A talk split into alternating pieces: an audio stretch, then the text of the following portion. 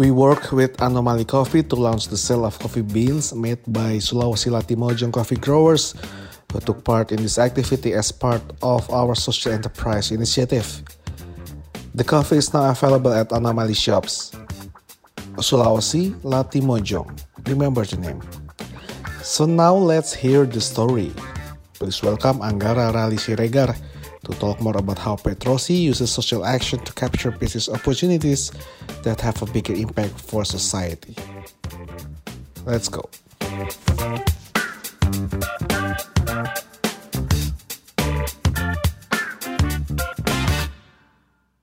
Halo Pak Angga.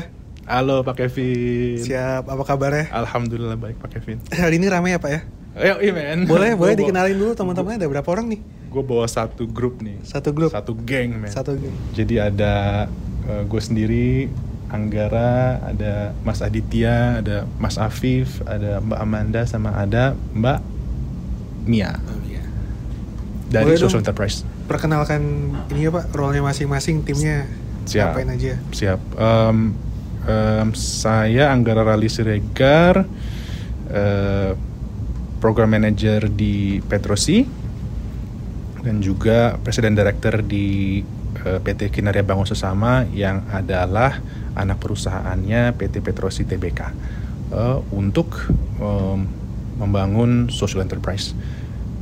Sebelah kanan saya ada Mas Afif. Halo semua, saya Afif, saya di Petrosi di Human Capital akan support proyeknya di Kinaria dan di CCI-nya. Suaranya penyiar radio abis. Yo ini. Kayak diberat-beratin gitu tiba-tiba. Sebelah kiri ada Mas Adit, silakan Mas. Silakan, Mas. Halo, saya Ditya Ramana Jaya. Kalau di Petrosi sama Kinaria di bagian business development and sales specialist. Oke, lanjut next berikutnya. Halo, eh, saya Amanda. Saya di bagian program analis. Halo, saya Mia. Saya sebagai social media di Social Enterprise. Oke, Pak Angga Social Enterprise boleh dong dikasih penjelasan sendiri. Dia beda tipis sama CSR ya Pak ya? Atau memang completely different? Beda tipis, beda, Beda tipis. tipis, oke. The, the di intinya core-nya sama sebenarnya. Uh, Mhm. bedanya cuma di how you operate the um, lembaganya aja, ya kan. Um, kalau misalnya boleh expand, social enterprise itu adalah perusahaan sosial. Uh, social enterprise itu um, dipakai istilahnya di UK, di Inggris. Kalau di Amerika dibilangnya public benefit corporation. Jadi uh, social enterprise ini sebenarnya perusahaan, perusahaan pada umumnya yang melakukan usaha, uh, punya karyawan, uh, seperti perusahaan-perusahaan lainnya, uh, tapi dia tidak menganut uh, prinsip uh, only for profit, tapi menganut prinsip uh, 3P atau 3, 3P bottom line, which is um, prosperity or profitability, right? Uh, people and planet. Jadi unsurnya adalah uh, social enterprise adalah perusahaan yang melakukan usaha, tapi untuk keuntungan, untuk society atau people, untuk planet atau environment. Dan untuk di Petrosi sendiri kan ini ada misi besarnya Pak Bobot ya, our CEO gitu. Apa sih sebenarnya yang di, mau diadres oleh Pak Bobot? Apakah ini akan memberi dampak kepada uh, business opportunity yang mungkin sebelumnya belum bisa masuk? Mungkin ada uh, perspektif atau image dari market yang lebih baik kalau kita punya uh, corporate social enterprise atau seperti apa sebenarnya Pak? Ya, uh, I mean, uh, first of all, gue mau appreciate dulu Pak Bobot ya. Uh, keren banget sih idenya. Bef- Before I join, gue join 2021 Maret. Uh, gue join um, untuk di tes sama Bobot to bikin social enterprise. So I, I, I think uh, that is an, a, a great uh, aspect of uh, mine idea that they have, that, that he have. So uh, apa strateginya Pak Bobot adalah basically 3D kan uh, on the Petrosis side diversification um, decarbonization and digita- digitalization um, and making or creating social enterprise is basically a part of it um, uh, which is uh, within the decarbonization sama um, diversification and also digit, digitaliz, digitalization basically ketiga itu tiga, tiga aspek itu. So um, and Pak Bobot juga ngelihatnya he's a, dia ngelihatnya well CSR itu udah um, out, out to date ya.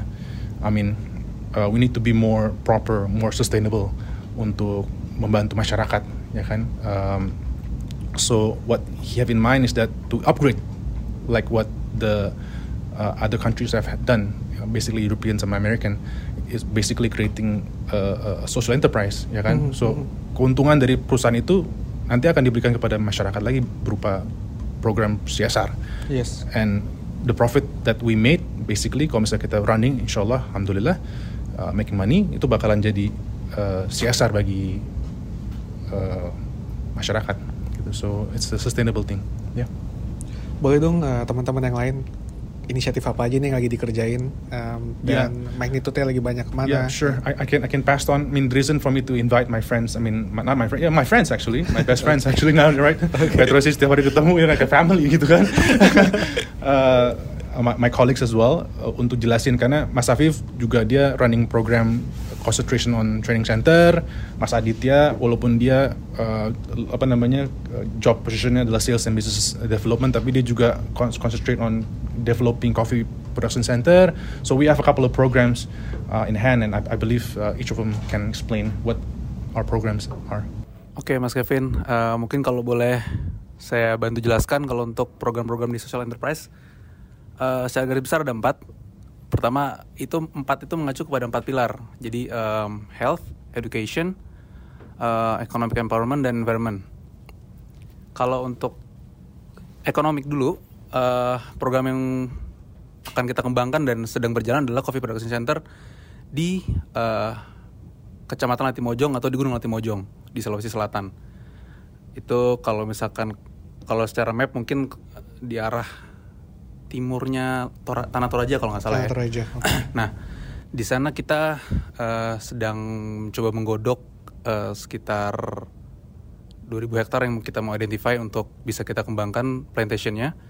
Jadi uh, kita kerjasama juga dengan um, Sulawesi Community Foundation di sana untuk bisa apa membantu kita mendapatkan perizinan dan dapat dan membantu kita menjembatani komunikasi lah antara kita dengan masyarakat sekitar yang bisa kita empower untuk kita kerjasamakan dan um, tujuannya memang untuk uh, empowerment itu tujuannya untuk menaikkan um, taraf ekonomi dan taraf hidupnya masyarakat sana.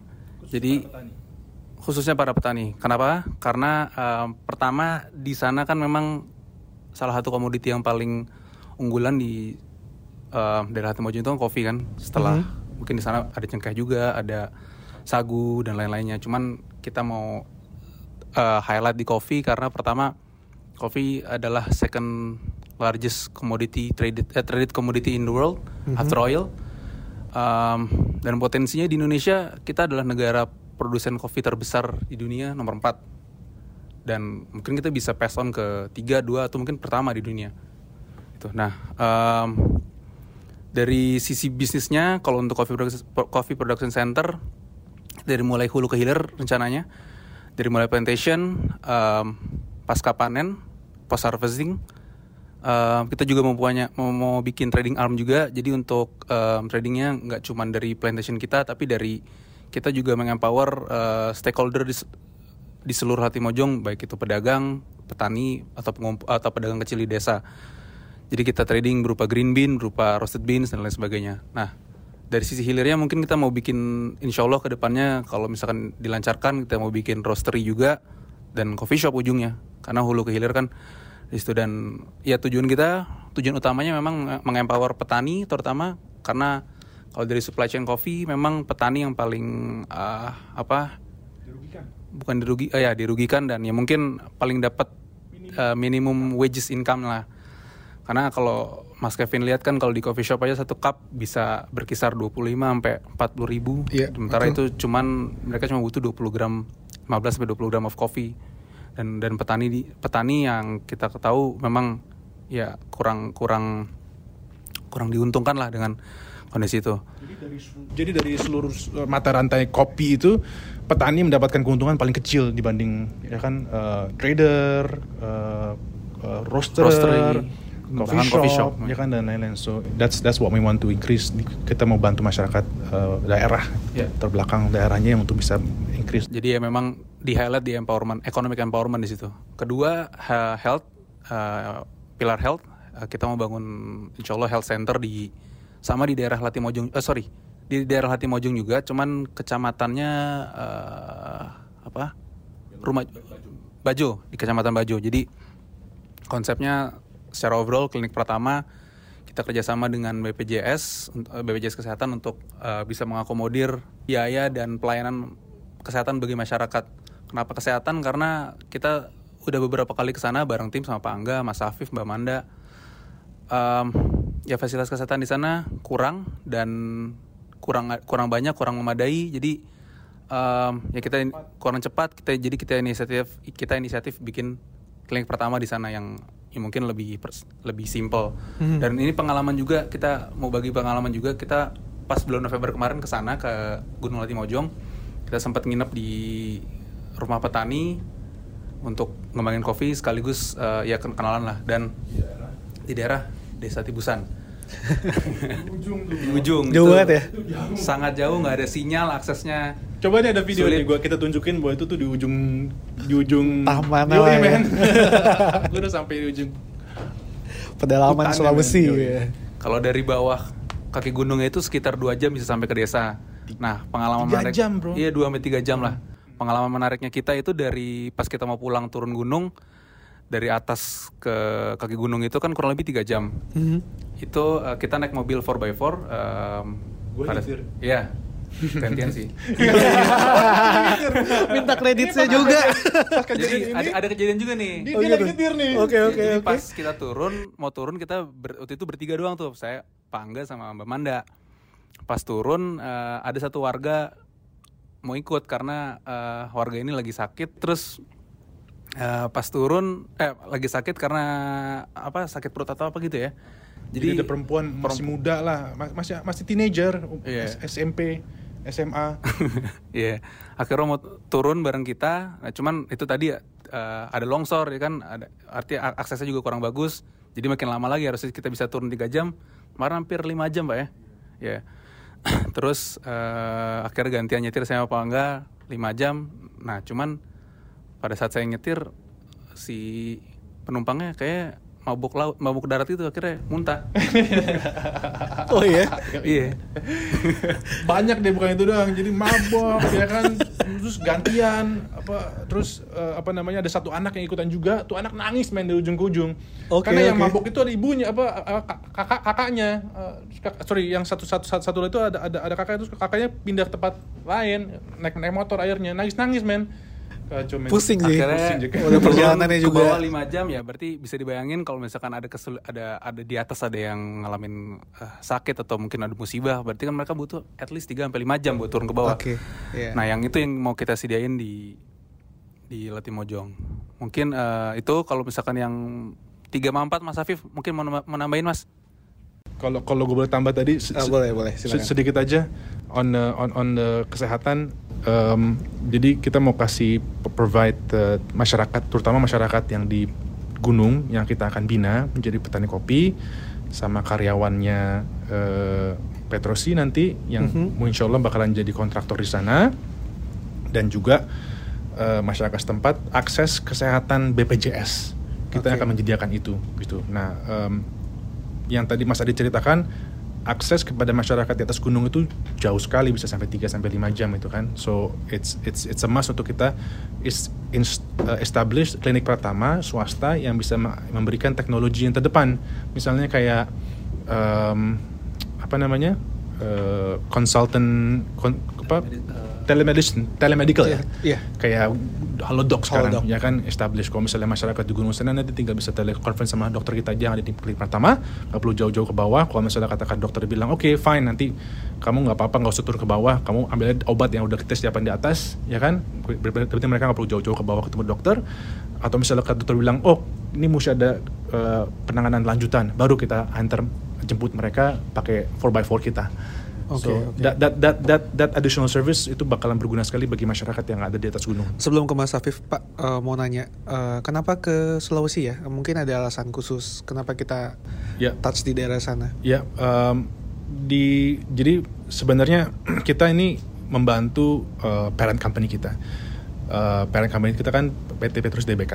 Jadi kita membantu parent company kita untuk eh, enter into the eh, operational atau eh, eh, construction phase of a, of a mine, right?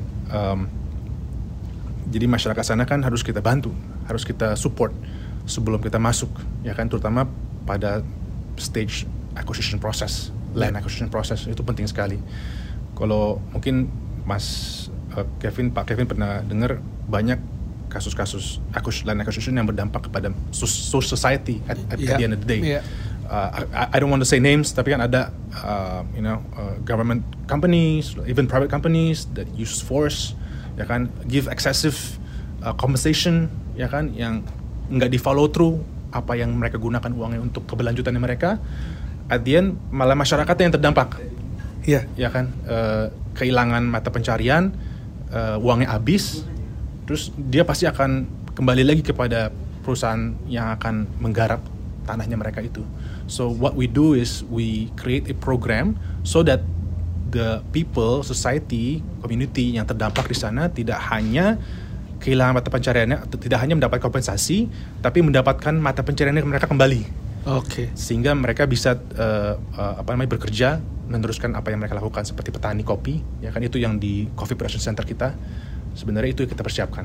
Em, terus juga eh, apa namanya yang program-program lainnya yang akan membantu Petrosi untuk beroperasi di lapangan Saya curious soal ini sih Pak, acceptance-nya warga di sana seperti apa waktu teman-teman eh, sedang berkunjung ke sana, sedang masuk bawa konsep.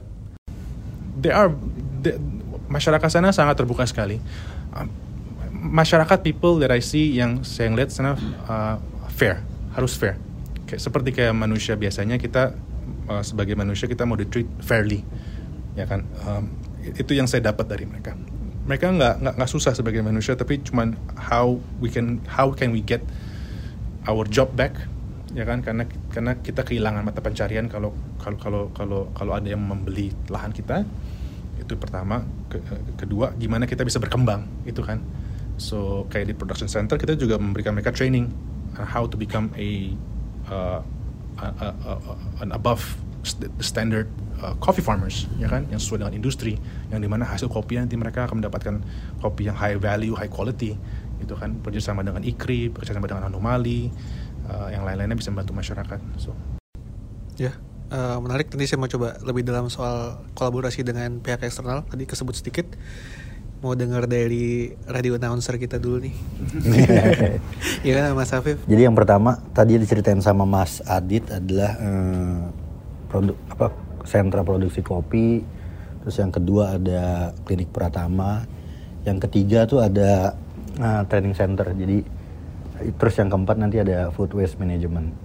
Nah di training center ini hmm, adalah latar belakangnya banyak hmm, penduduk lokal itu kesulitan ikut bekerja dalam industri yang ada di daerah tersebut. Kenapa? Karena keterampilannya, keahliannya nggak match, nggak cocok sama apa yang dibutuhin sama industri yang di sana. Apalagi sekarang industri udah berkembang luar biasa banget di era 4.0. Oleh karena itu, nah saya ngutip nih Pak Bobot. Saya ngutip Pak Bobot, nah ketika Petrosi ada di suatu daerah, Petrosi ingin selalu jadi tetangga yang baik. Nah, tetangga yang baik kayak apa? Salah satunya tadi yang Pak Anggara dan Mas Adit bilang, kita bantu teman-teman eh, di sana bukan lihat dari masalahnya, tapi potensi yang ada. Potensinya kebetulan di sana adanya kopi, makanya dibuka, dibuka, dibuka dibikin program sentra produksi kopi.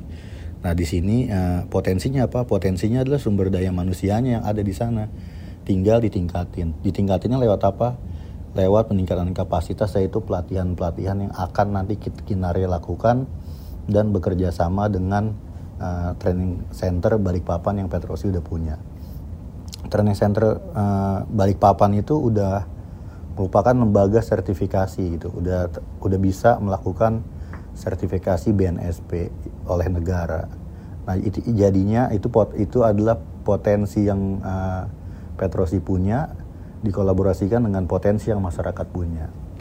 Nah, itu nanti jadinya keterampilan masyarakat meningkat dan adanya sertifikasi yang sesuai dengan aturan negara. Sehingga masyarakat ada peluang untuk bekerja di industri yang ada di lokal situ.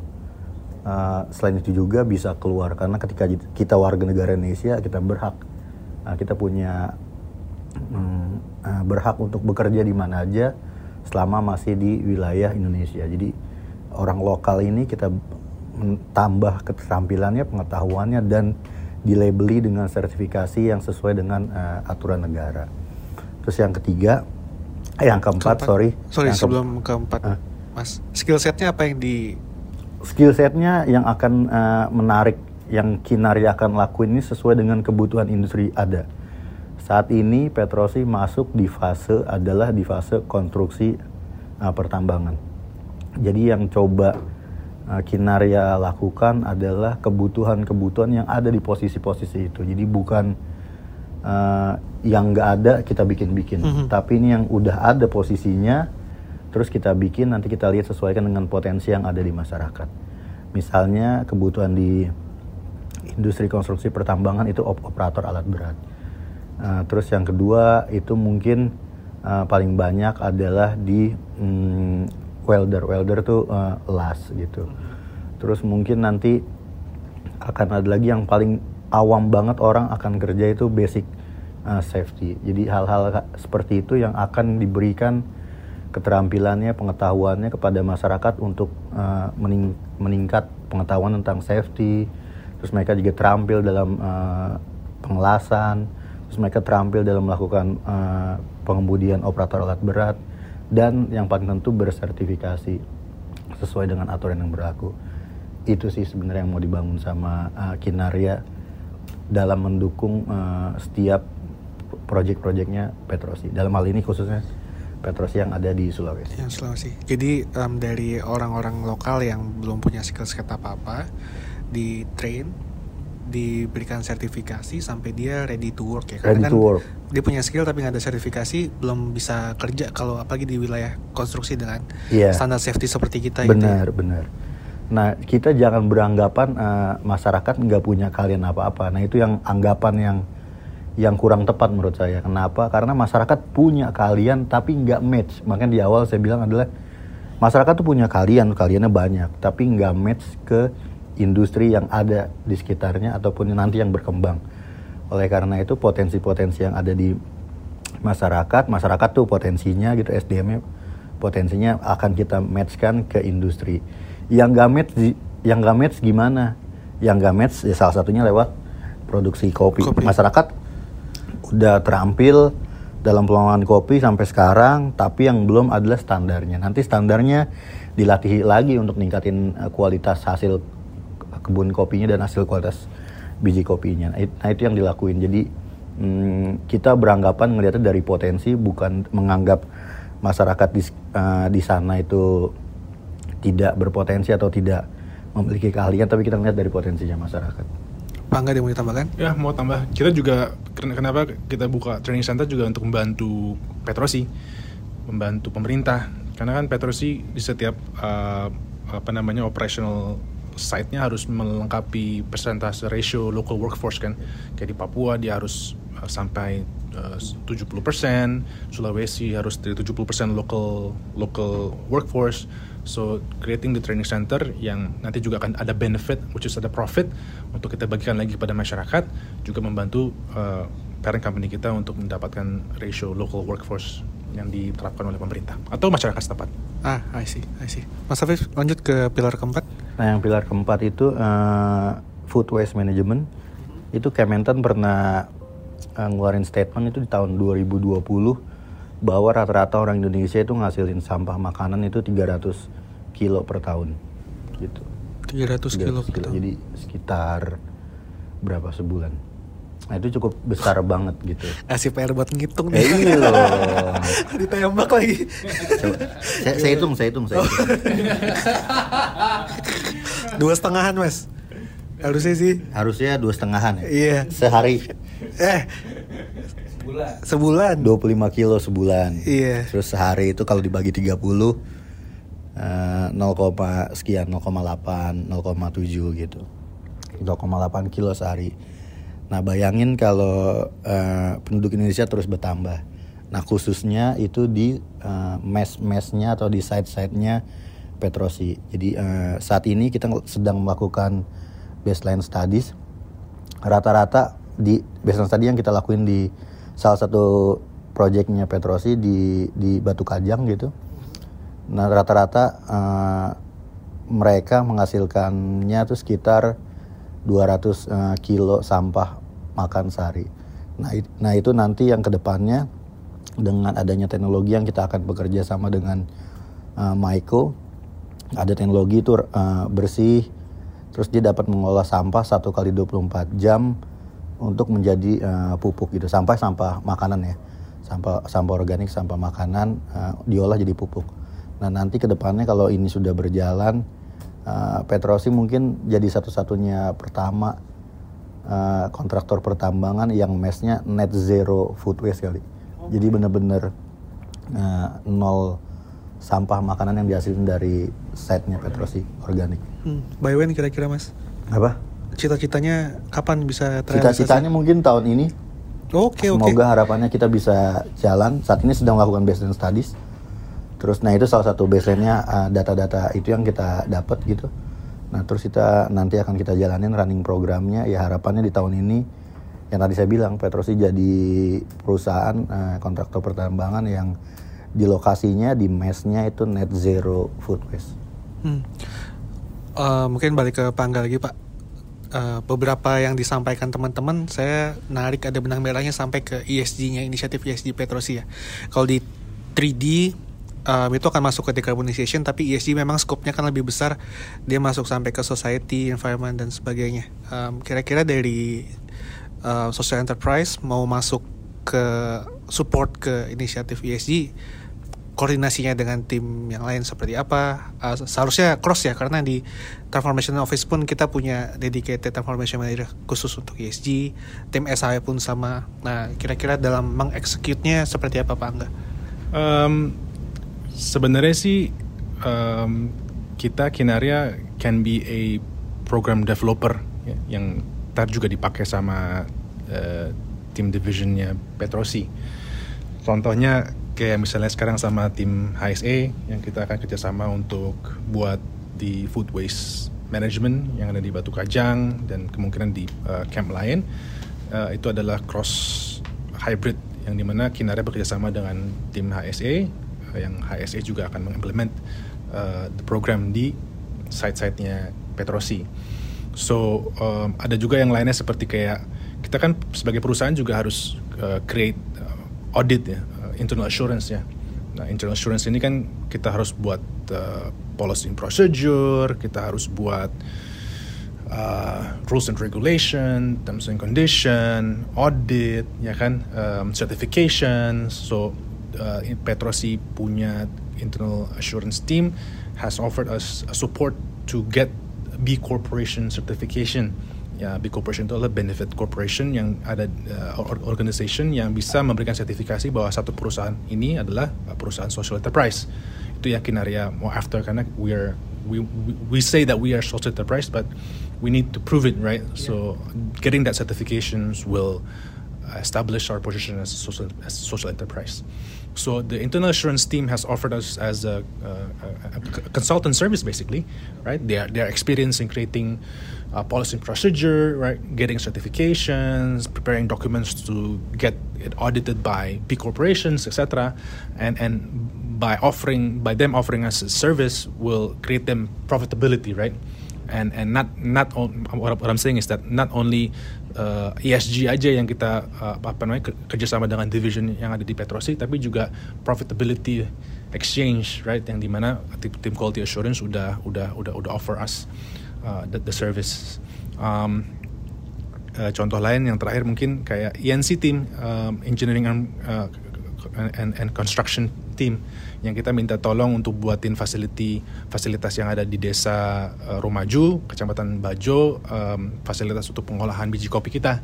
So kita kita kan mesti buat hanggar, kita mesti buat tempat um, apa namanya uh, penjemuran, kita mesti buat klinik center atau klinik Pratama itu kan kita butuh construction team kan so uh, Petrosi construction team has worked together with us yang di mana mereka juga contribute to di uh, tujuan program akhirnya kan which is tujuan program akhirnya itu membantu memperdaya masyarakat setempat untuk bisa bertanam kopi yang lebih bagus dan mendapatkan penghasilan yang lebih tinggi so by Petrosi ENC team contribute on on on supporting us in developing the facility will contribute to the program's cost as well. Oke, okay. um, tadi dari internal ada discussion dengan banyak departemen tapi juga eksternal tadi sempat disinggung sedikit dengan anomali dan lain sebagainya. Yeah. Boleh diceritakan juga Pak? Ya, yeah, ya. Yeah. I mean, um, for those who, who are listening, um, uh, we want to collaborate to support society and environment. Um, that's our main goal across Indonesia, right? Um, any problems relation that is related to society and environment, we, we're happy to collaborate with you to get uh, to get it done. Um, so uh, external party can also collaborate with us, seperti Anomali. Anomali Coffee uh, will so we have kita udah kasih mereka coffee dari masyarakat setempat yang ada di desa uh, yang ada di kecamatan Latimojong. Jadi uh, ini anak namanya Ahmad, bapaknya petani kopi. Biasanya petani kopi itu biasanya kan dia cuman um, apa namanya jadi petani dia dia dia dia harvest ya kan dia proses natural atau biasa atau wash atau semi wash ya kan? Yang simple process coffee right? Terus green bean baru dijual sama dia. Itu bapaknya tuh. A very konservatif uh, farmer. Ini anak anaknya anak si Ahmad dia anak muda kali. Dia dia dia dia, dia pakai YouTube untuk belajar ya kan? Dia ngelihat uh, web dia dan social media etc dia kembangin honey process. That result the honey process create attention to anomaly kita kasih sampel ke anomali itu. Terus anomali suka. So how can we collaborate in this? Akhirnya kita beli kopinya si uh, green bean si Ahmad yang diproses honey proses enak banget. Kita kasih ke anomali and anomali support us by roasting and distributing to the market. And kita bagi hasil di situ. Ya kan? So anomali has contributed in purchasing a coffee from a farmer right yang di daerah operasional kita. Terus uh, anomali jual make profit. Profitnya itu sebagian akan anomali keep atau uh, profit anomali anomali keep. Kalau profitnya kita nanti kita akan kembalikan lagi kepada petani-petani yang ada di sana gitu kan. So that's that's how anomali work with us um, in, in a way to support the farmer atau the society in in, in our sites gitu. So jadi external parties di sini uh, boleh saya bilang jadi kendaraan untuk sampai ke end user ya pak ya. Right. Ada visi untuk nanti ke end usernya di manage oleh tim sendiri oleh Kinaria mungkin? Ada ada ada. We have plan but uh, step by step. Oke okay, ya. Yeah. step by step uh, we have we have plan until like Mas Adit bilang kita mau buka the whole entire supply chain of coffee sampai coffee shop kan. Tapi that that's one one one step in ahead pelan-pelan. Um, tapi cita-cita besarnya Forest to Cup tetap. Oh iya iya iya iya. So so the, soon soon you guys will see our website. Kita lagi dalam development sama social media juga. Mungkin nanti Mia bisa bisa bisa collaborate dan uh, tim tim tim kita Mia yang yang yang, yang create the the the, the social media uh, accesses. Um, so we will name the coffee production center in, uh, into namanya Forest to Cup. Apa tuh arti Forest to Cup? Basically, right, um, uh, bantu support uh, so masyarakat untuk bekerja di dalam uh, forest uh, perhutanan sosial atau social forestry, right? Um, terus kita bawa hasilnya sampai menjadi cup coffee itu yang apa the the whole entire supply chain yang kita mau after untuk support the society. Oke. Okay, um, environment. Environment, yes. Karena ESG ini juga termasuk woman empowerment pak dan gender equality. Saya mau dengar suara-suara. Oh iya iya iya iya iya. iya. Sure. Para wanita-wanita di timnya bapak mungkin um, kemarin Mbak Manda ikut ke project ya.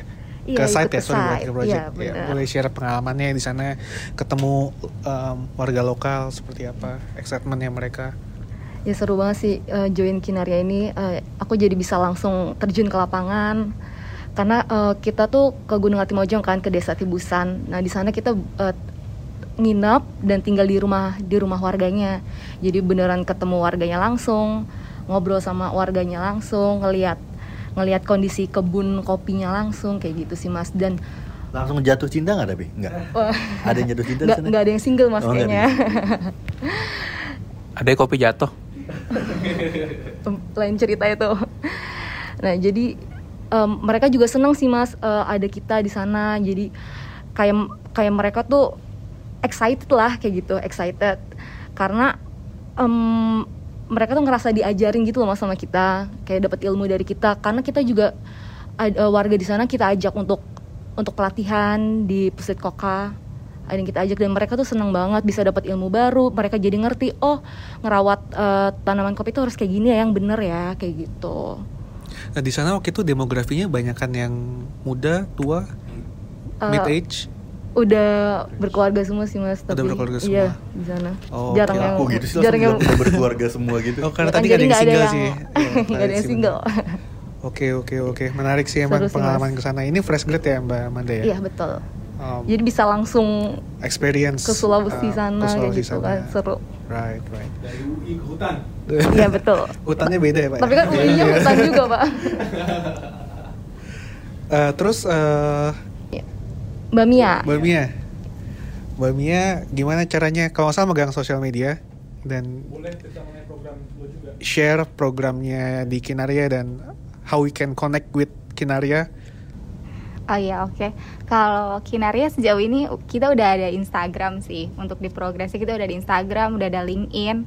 Mungkin teman-teman bisa nge-follow kalau di LinkedIn ada PT Kinaria Bangun Sesama, terus LinkedIn eh, Instagramnya juga Kinaria Bangun Sesama bisa di follow aja buat mantau terus eh, progres kita ke depannya karena bakalan ada info-info lebih lanjutnya sih. Jadi kalau untuk sosial medianya masih dalam on progress.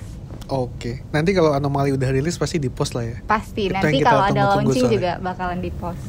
Oke. Jadi kalau boleh gue tambahin, Mia ini program Petrosi untuk fresh grad, magang, apprentice, right di uh, Petrosi, yang di mana untuk support the content atau the support the uh, promotional social media yang yang ada di uh, Petro- Petrosi atau Kinaria. So this is salah satu collaboration juga nih antara Petrosi sama Kinaria walaupun kita subsidi tapi Petrosi support us on giving manpower itu kan uh, fresh grad yang punya pengalaman untuk support the uh, apa namanya promotional sama um, apa uh, name-nya Kinaria and Petrosi gitu. So it's a really really good program. So we're happy to, to have me around as well. Oke, em, kita udah 35 menit plus ngobrol Pak dan ke depannya saya penasaran uh, what's next, what's for the future. Oh, uh, next next is, is is a lot. We just got uh, apa capital injection from Petrosi. I, I don't want to disclose the number. Oke. We're happy for it gitu kan karena karena kita kita doing business working for society and environment gitu. Um, and this, in the future for society and environment itu bright banget apalagi sekarang dunia sangat-sangat melihat uh, apa perkembangan uh, lingkungan hidup sama uh, sama society kayak Petrosi sekarang melihat society different way dia akan melihatnya secara detail ya kan um, sustainable keberlanjutan uh, dan juga menjadi yang Mas Afif bilang menjadi apa namanya tetangga yang baik gitu so Pak Bobot yang bilang Bapak. ya Pak Bobot yang bilang so I, I mean it's it's it's gonna be a, a bright future for us and and, and thank you for Petrosi and, and, and creating us uh, to support the society and environment Ke depannya tuh ada dua, Dit.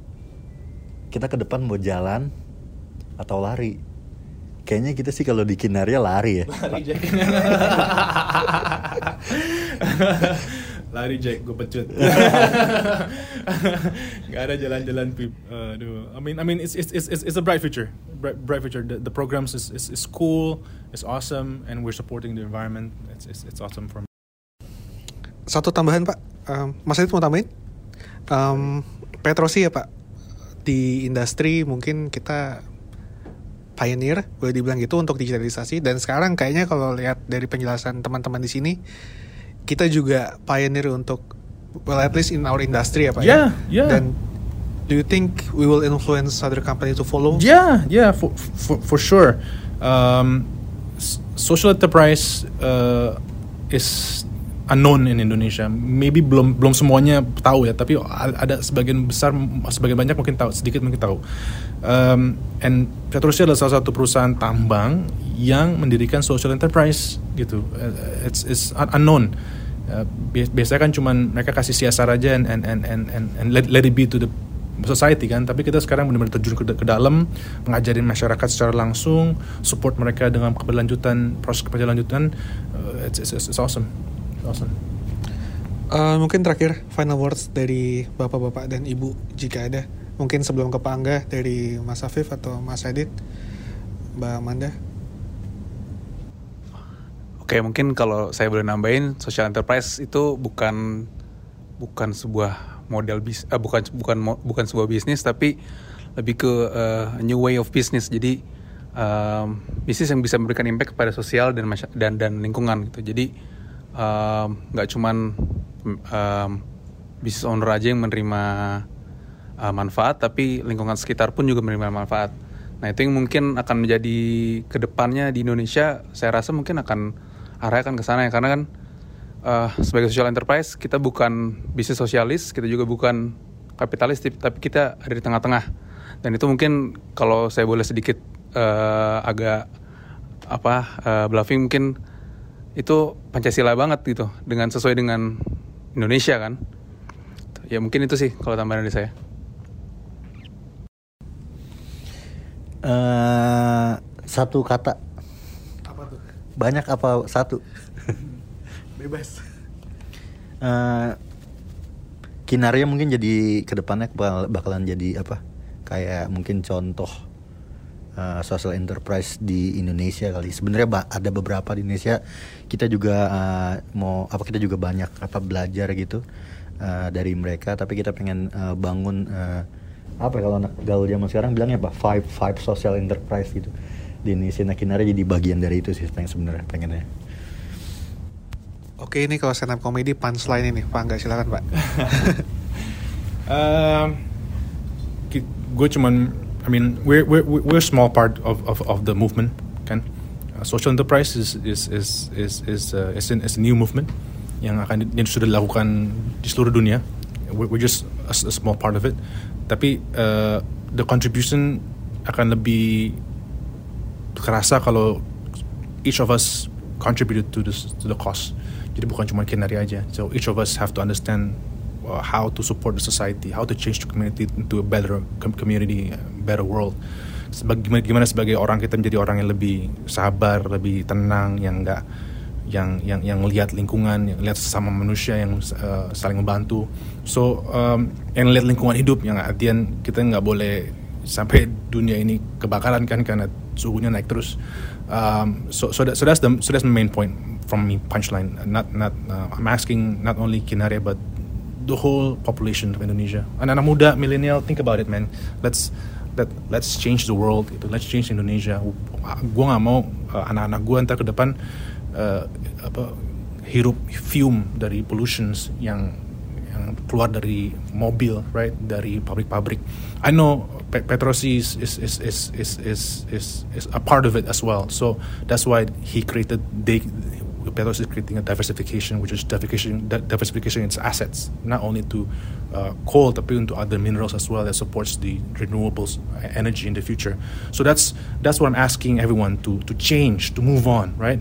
Um, changing Petrosi aja changing itu. Um, why can't the others as well? So that that, that is my punchline.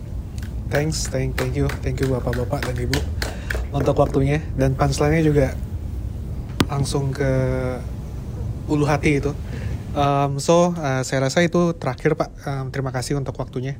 Thank you for joining with us. Um, terus great to know kalau misalnya kita coba jadi um, tetangga yang baik ya dan as a employees uh, saya juga ikut proud of this company karena taking care of our neighbors very well gitu.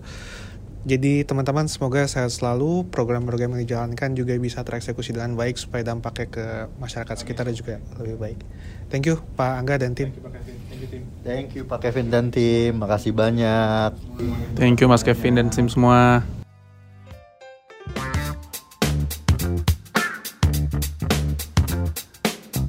Go get the coffee and listen to jazz music while relaxing in the recliner. And remember the story behind the coffee.